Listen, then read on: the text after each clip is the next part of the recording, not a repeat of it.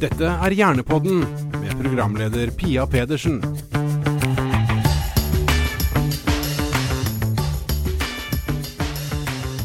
Velkommen til en ny episode av Hjernepodden, hvor det i tre episoder handler om avhengighet. Når man er avhengig, så går det utover kontrollen over eget liv. Det kan være i beste fall lite tilfredsstillende, og i verste fall fryktelig skremmende. Men uansett hvor man er på skalaen, så finnes det håp. Og håpet ligger i bl.a. omprogrammering av hjernen. Avhengighet kan avlæres. I hvert fall om vi skal tro gjesten jeg har fått besøk av her i studio. Velkommen hit, Marte Roa Syversen. Takk for det. Du er lege ved nevrologisk avdeling på Drammen sykehus og forfatter, og du har forsket på hjernen i mer enn ti år. Det stemmer, det. Mm.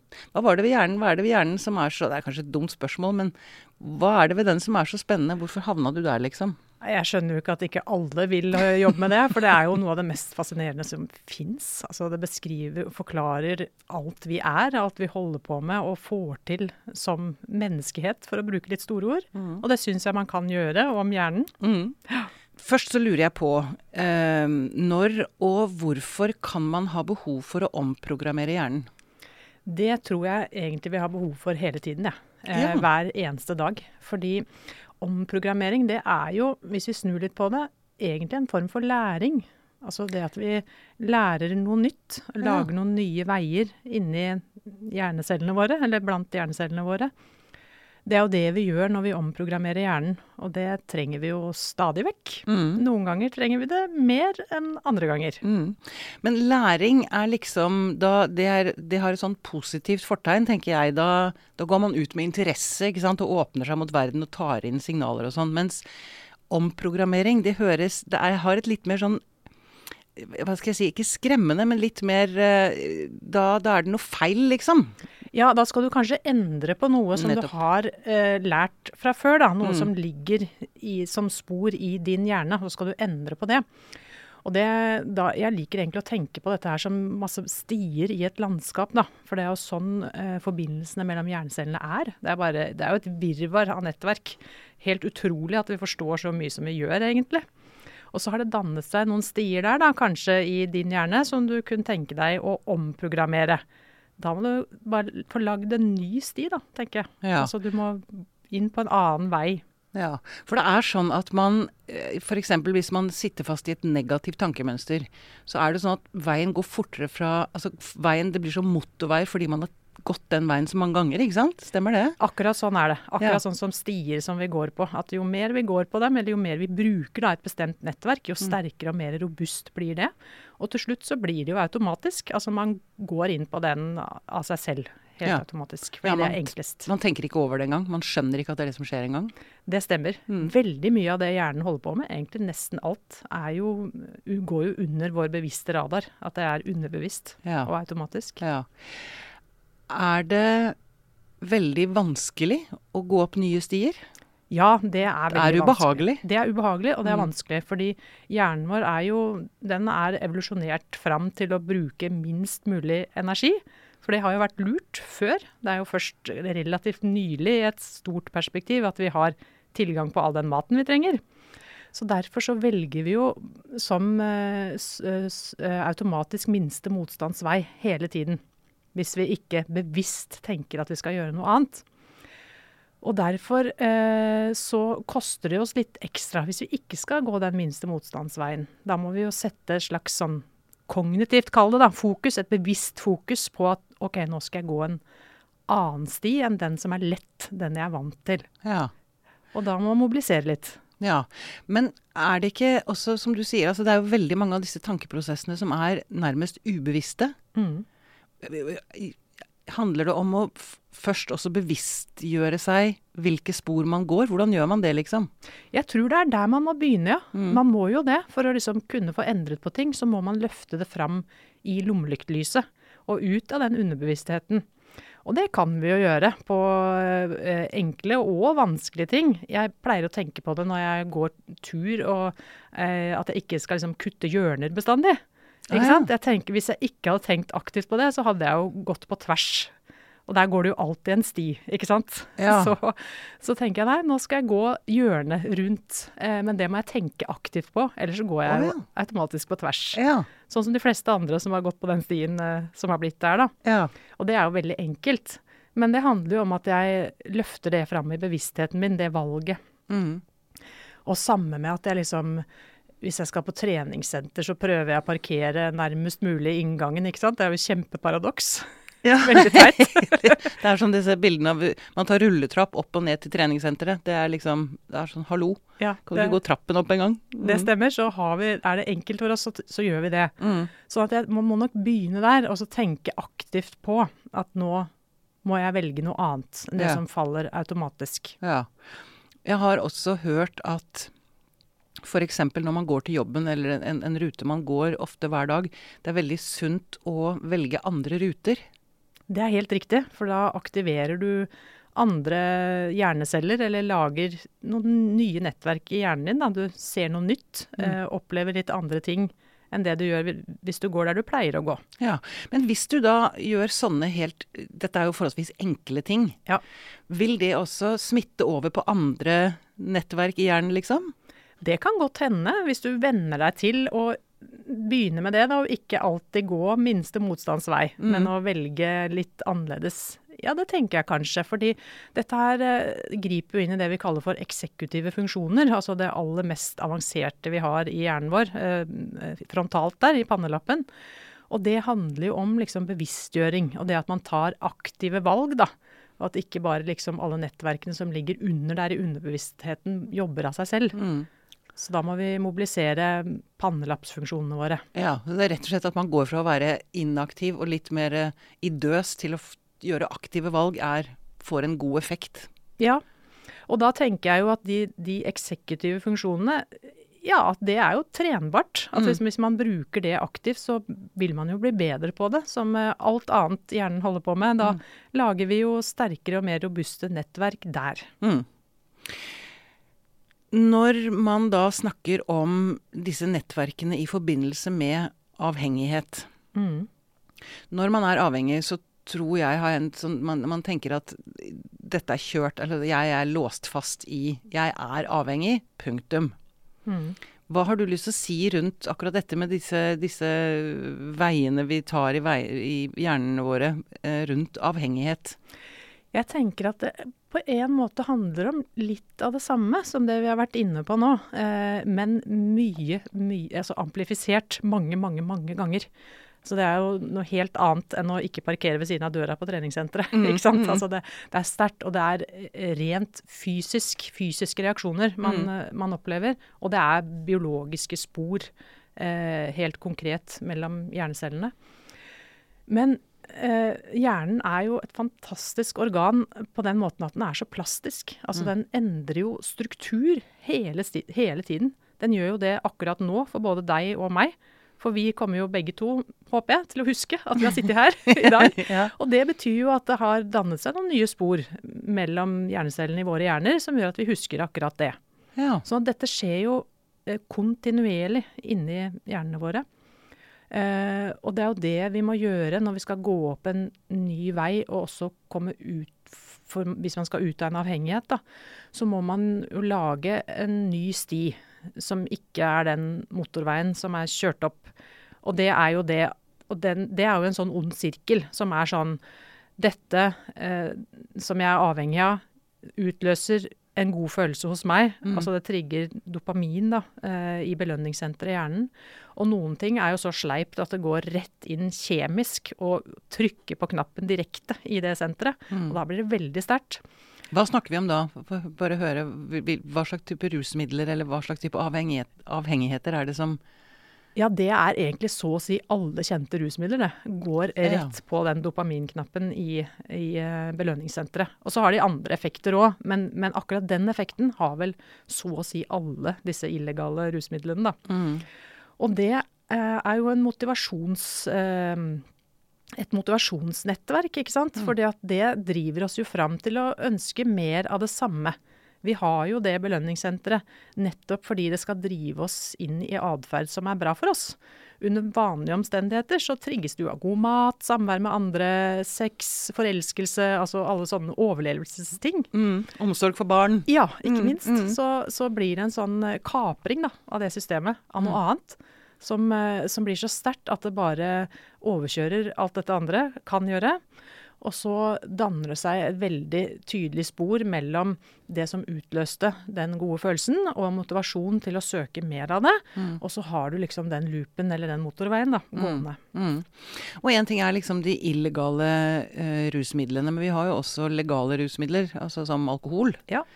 Um, hva, hvordan skal man da jobbe aktivt med å omprogrammere hjernen hvis man sliter med en avhengighet som har tatt over kontrollen på livet? Ja. Altså, dette her finnes det jo masse omfattende og god forskning på. Forskjellige metoder for å jobbe med å komme seg ut av en ulike typer avhengighet. Eh, og det er det jo mange veldig, veldig dyktige fagfolk som jobber med hver eneste dag. Men det jeg hører de sier, da, er, det er jo at det, det finnes veldig mange forskjellige metoder man kan bruke. Og programmer og, og måter man kan arbeide på dette med. Eh, men det jeg har hørt de si også, er at det, det, altså det aller, aller viktigste er at man gjør noe.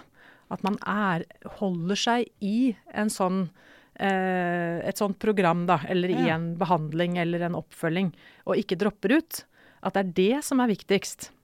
Og så har jeg også Ja, hørt hvorfor det?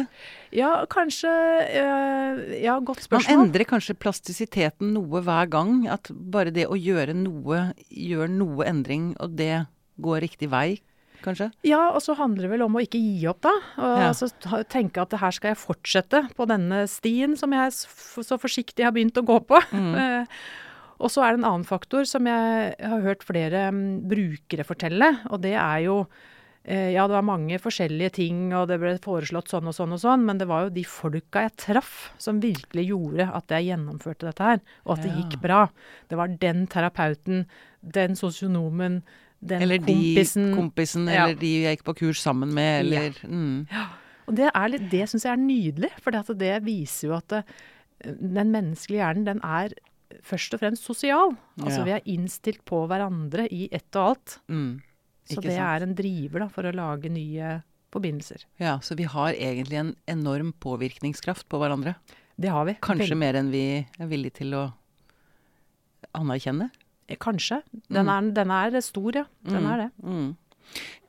Eh, Men eh, OK, det er mm, kanskje menneskene da som man møter som, som er kanskje den viktigste faktoren. Men um, jeg har lyst til å gå Altså, det høres veldig vanskelig ut å omprogrammere hjernen. Det er det jo også. Eh, Og hvis man ser på statistikk og sånn, så er det jo mange som ikke klarer det. Mm. Men det, men det er jo langt fra alle som feiler.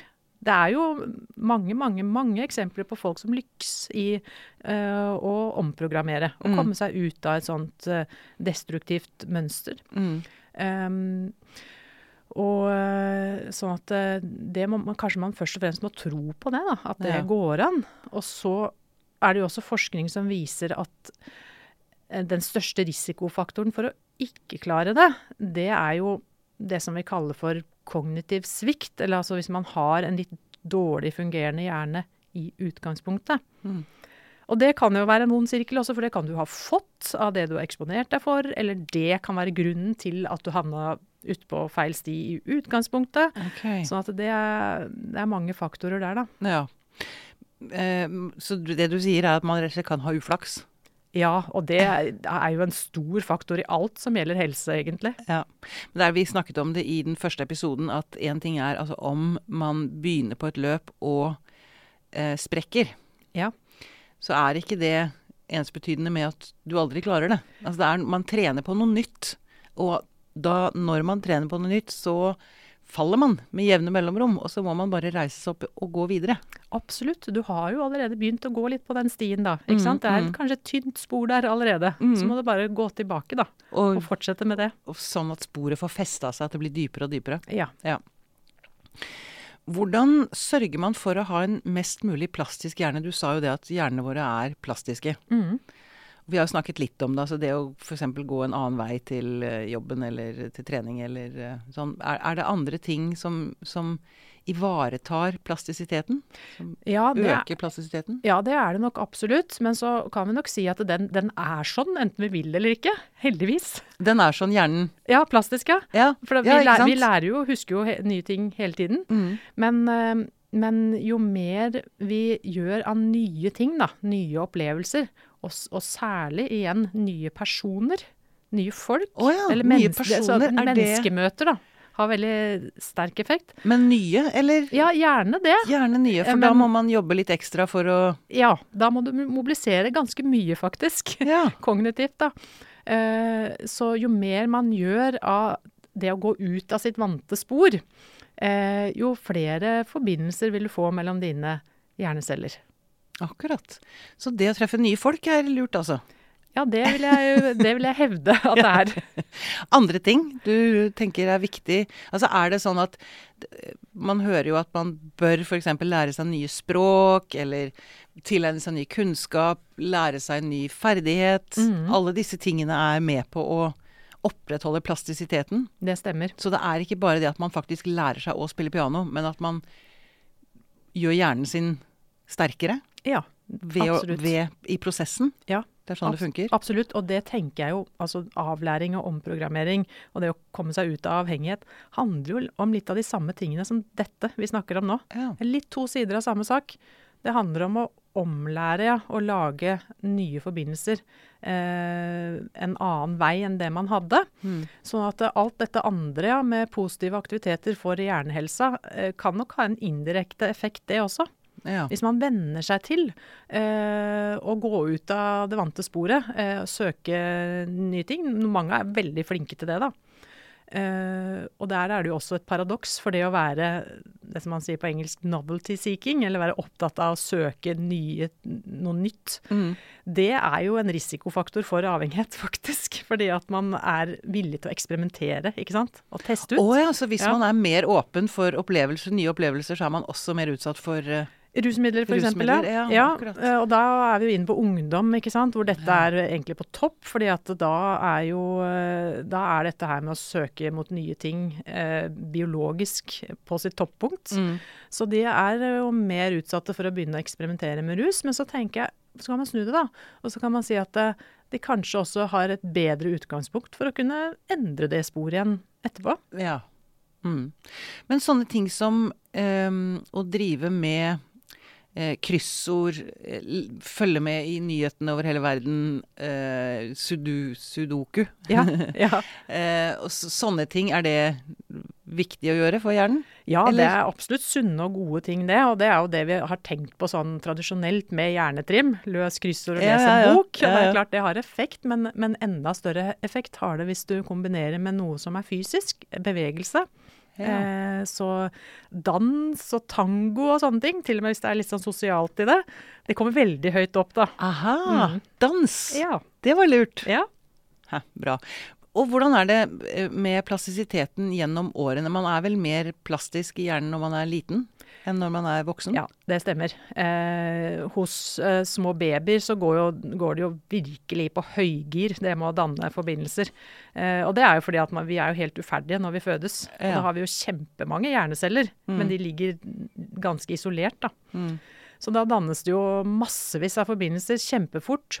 Eh, og så blir vi eldre, og ungdommer er jo også sånn at de danner disse forbindelsene eh, sterkere og kjappere enn oss voksne. ja. Ja, Så sånn det er det. er lettere å lære når man er 20 enn når man er 50? Det stemmer.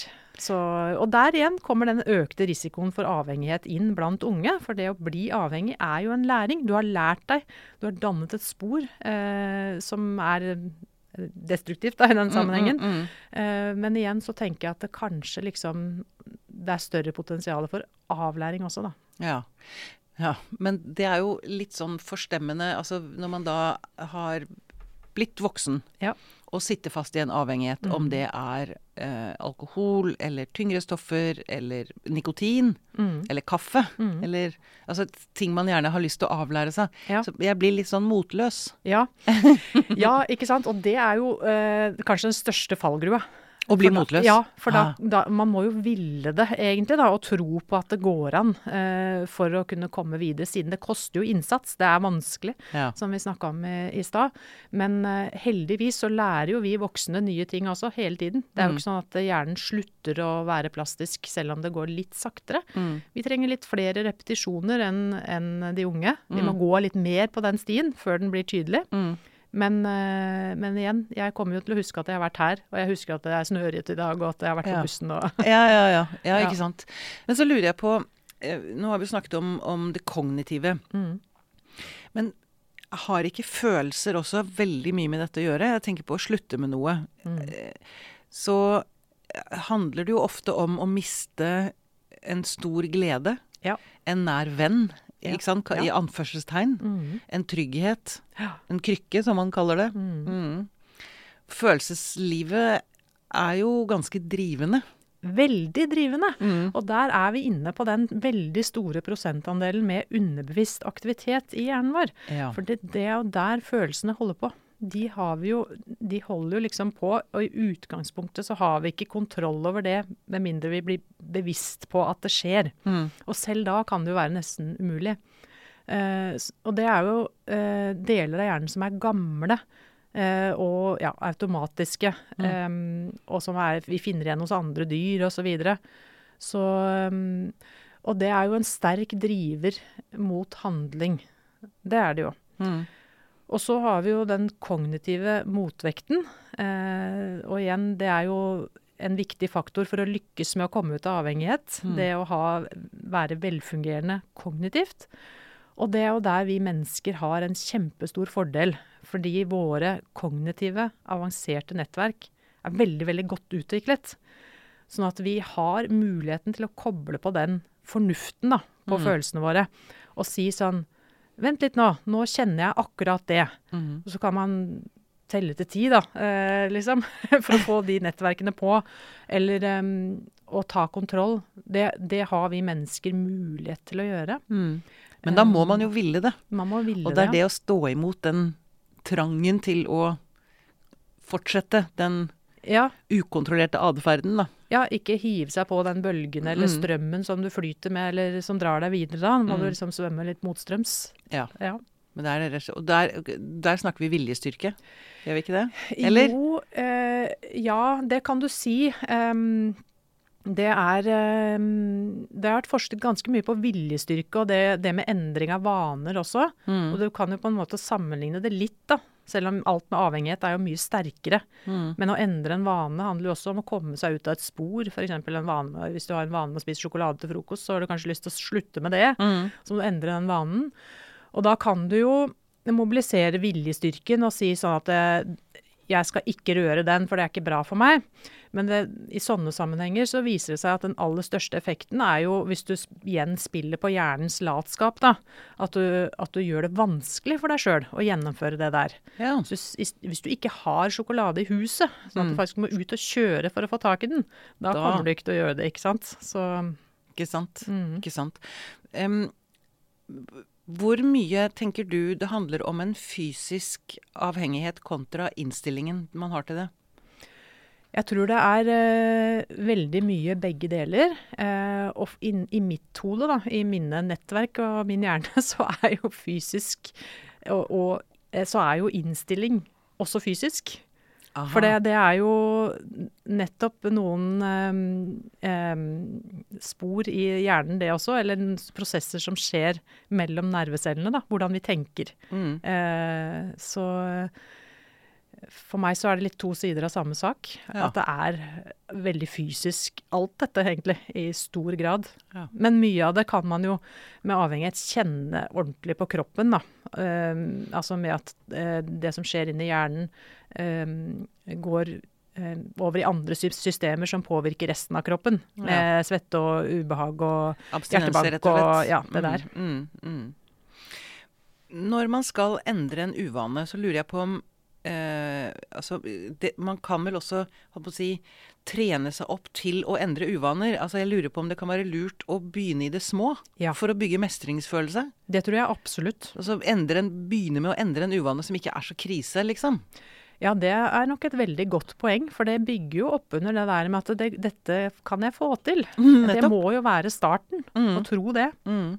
Og det også bygger liksom, da bygger du jo gode følelser og følelsen av at 'dette klarer jeg'. Og da blir det kanskje lettere neste gang, da, ta neste steg. Ja, og det som er morsomt med det, er jo at da er det jo akkurat det samme systemet som avhengigheten har kapret, som du aktiverer. For det Ja. er jo belønningssystemet som frigjør dopamin og klapper deg på skuldra og sier liksom sånn 'Yes, du fikk til dette her'. Selv om du tenkte at det var vanskelig, eller eh, ja. Ikke sant? Mm. Mm. Du jo, har jo en veldig optimistisk håndlegge, det har kanskje gjerne forskere. men man kan gjøre veldig mye med hodet sitt. Ja. Uh, man, men man har en tendens til å tenke at nei, nei, sånn er jeg. Eller sånn har jeg alltid vært. Sånn har jeg alltid gjort det. Ergo. Mm. Men det stemmer ikke.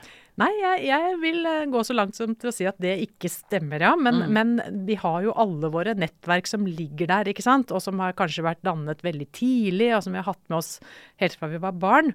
Sånn at det, ting vil jo være lettere og vanskeligere for deg, avhengig av hva du har der fra før. Ja. Mm. Ok. Hvordan da? Ja, så for noen så, hvis, ja, hvis man har blitt veldig veldig avhengig, da, Mm. så, så er det jo noen nettverk der som er eh, veldig etablerte eh, og veldig sterke, eh, som det blir vanskelig å gå utenom. Eh, mye vanskeligere enn hvis du ikke hadde den avhengigheten i utgangspunktet. Mm, akkurat. Mm. Hvor langt vil du si at dette feltet rundt avlæring og kognisjon har kommet? Eh, det har eh, Altså alt eh, når det gjelder hjerneforskningen har kommet langt, vil jeg si. Mm. Eh, det er utrolig mye vi forstår nå. Ja. Eh, og, og det jobbes jo kontinuerlig og forskes over hele verden på bitte, bitte små biter som vi setter sammen til en helhet. Så med tanke på hvor komplisert det er med nevrobiologi, da, så er det jo imponerende hvor langt vi har kommet, syns jeg, Mm. eh, i å forstå at hjernen skal forstå seg selv. Altså det blir jo veldig rart, dette her. Mm. Så, eh, Hjernen skal forstå seg selv, ja. Ikke Ja. sant? Ja. så det er eh, grunn til optimisme med tanke på alt det vi allerede kan, Mm. og det som vi enda ikke har forstått, men kommer til å forstå mer av i fremtiden. ja. Men tror du at vi noen gang vil få en fullstendig oversikt over hjernen og funksjonene den utfører, har? Nei. Nei, vet du hva, jeg håper egentlig ikke det, for det ville vært litt trist, altså. Hvis Ja. jeg hadde fått liksom 100% kontroll på hjernen. Det er ekkelt å tenke på, så Ja, jeg. jeg enig. De driver jo og prøver da, og bygger hjerner og sånn i, i, i um, sånne laboratoriesettinger, men jeg har ganske langt igjen. Og Ja, da snakker vi AI. Uh, ja, Eller ja, ja, og KI. biologisk òg, vel. Nå er jeg på litt tynn is, for Å, det er lenge siden jeg har lest om. Men um, ja, at de prøver å et, lage liksom i, i skåler, nærmest, da. Altså et nervesystem. Ja. Eh, men det blir veldig enkelt. Og man kan jo bare ta fram et, det tallet som vi jobber med her, da. Og det er jo sånn ca. 90 milliarder nevroner, hjerneceller. Mm. Det skjønner ikke jeg, det er altfor mye. Mm. Eh, og så kan hver eneste av de 90 milliardene forbinde seg til andre celler opptil 15 000 ganger. Å, så da snakker vi hvor mange mulige koblinger i hjernen? Det er mange. Ja, det har jeg ikke regna ut, men det er liksom det vi har å gå på, da. Og så legge til at det endrer seg jo hele tiden. Ikke sant? Så vi har en lang vei å gå der. Ja, men det er som du sier, det er veldig fint at vi fortsatt har det. Det er et mysterium, akkurat som hele universet. Hadde vi kartlagt hele universet, hva skulle vi gjort da, liksom? Ja, jeg tror det er bra, jeg. Ja. Så lurer jeg på til slutt nå eh, om du har noen Vi har jo snakket en god del om det, men andre generelle råd for god hjernehelse? Ja. Ja, det er, å, det er å bruke den altså, så mye som mulig. Akkurat Ja. som eh, når man trener muskulatur og løper for å trene hjertet og sånne ting.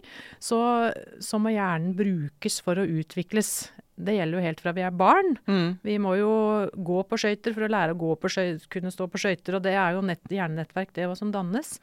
Så eh, fysisk aktivitet som eh, er litt eh, annerledes enn det Altså ikke repetitivt, noen som er kanskje litt nytt og vanskelig. Ja. Interessere seg for ting, være opptatt av noe, treffe folk. Eh, står jo veldig høyt oppe på lista når det gjelder forebygging av demens, da, f.eks. ja. Og nedbrytning av hjernen. Ja. Men sitte og se på TV er kanskje ikke det, best, det mest utviklende. Kommer kanskje an på hva man ser på, men Det kommer litt an på hva du ser på, ja. Og, Ja. og kanskje om du er sammen med noen. For hvis du er Aha. sammen med noen andre, og dere, man ser på noe som engasjerer, og som setter i gang diskusjon og tanker, og Ja. at man kanskje leter opp mer informasjon etterpå og sånn, så ja, Ja. kan det kanskje være fint det. ja. Veldig bra. Er det noe du har lyst til å legge til på slutten som uh, du føler eh, du du vil enten understreke eller løfte frem, eller noe vi ikke har berørt? Nei, jeg må bare si igjen at hjernen er et fabelaktig organ, eh, og det må vi bare løfte fram i lyset. eh, Ja. Tenke på alt du kan få til med din egen hjerne. Ja. Du er heldig. Man er heldig som har en hjerne. Ja, det kan si. Ja. Ja, Hurra for hjernen. Ja. Veldig bra. Tusen takk for at du kom i studio, Marte Roa Syversen. Takk, takk.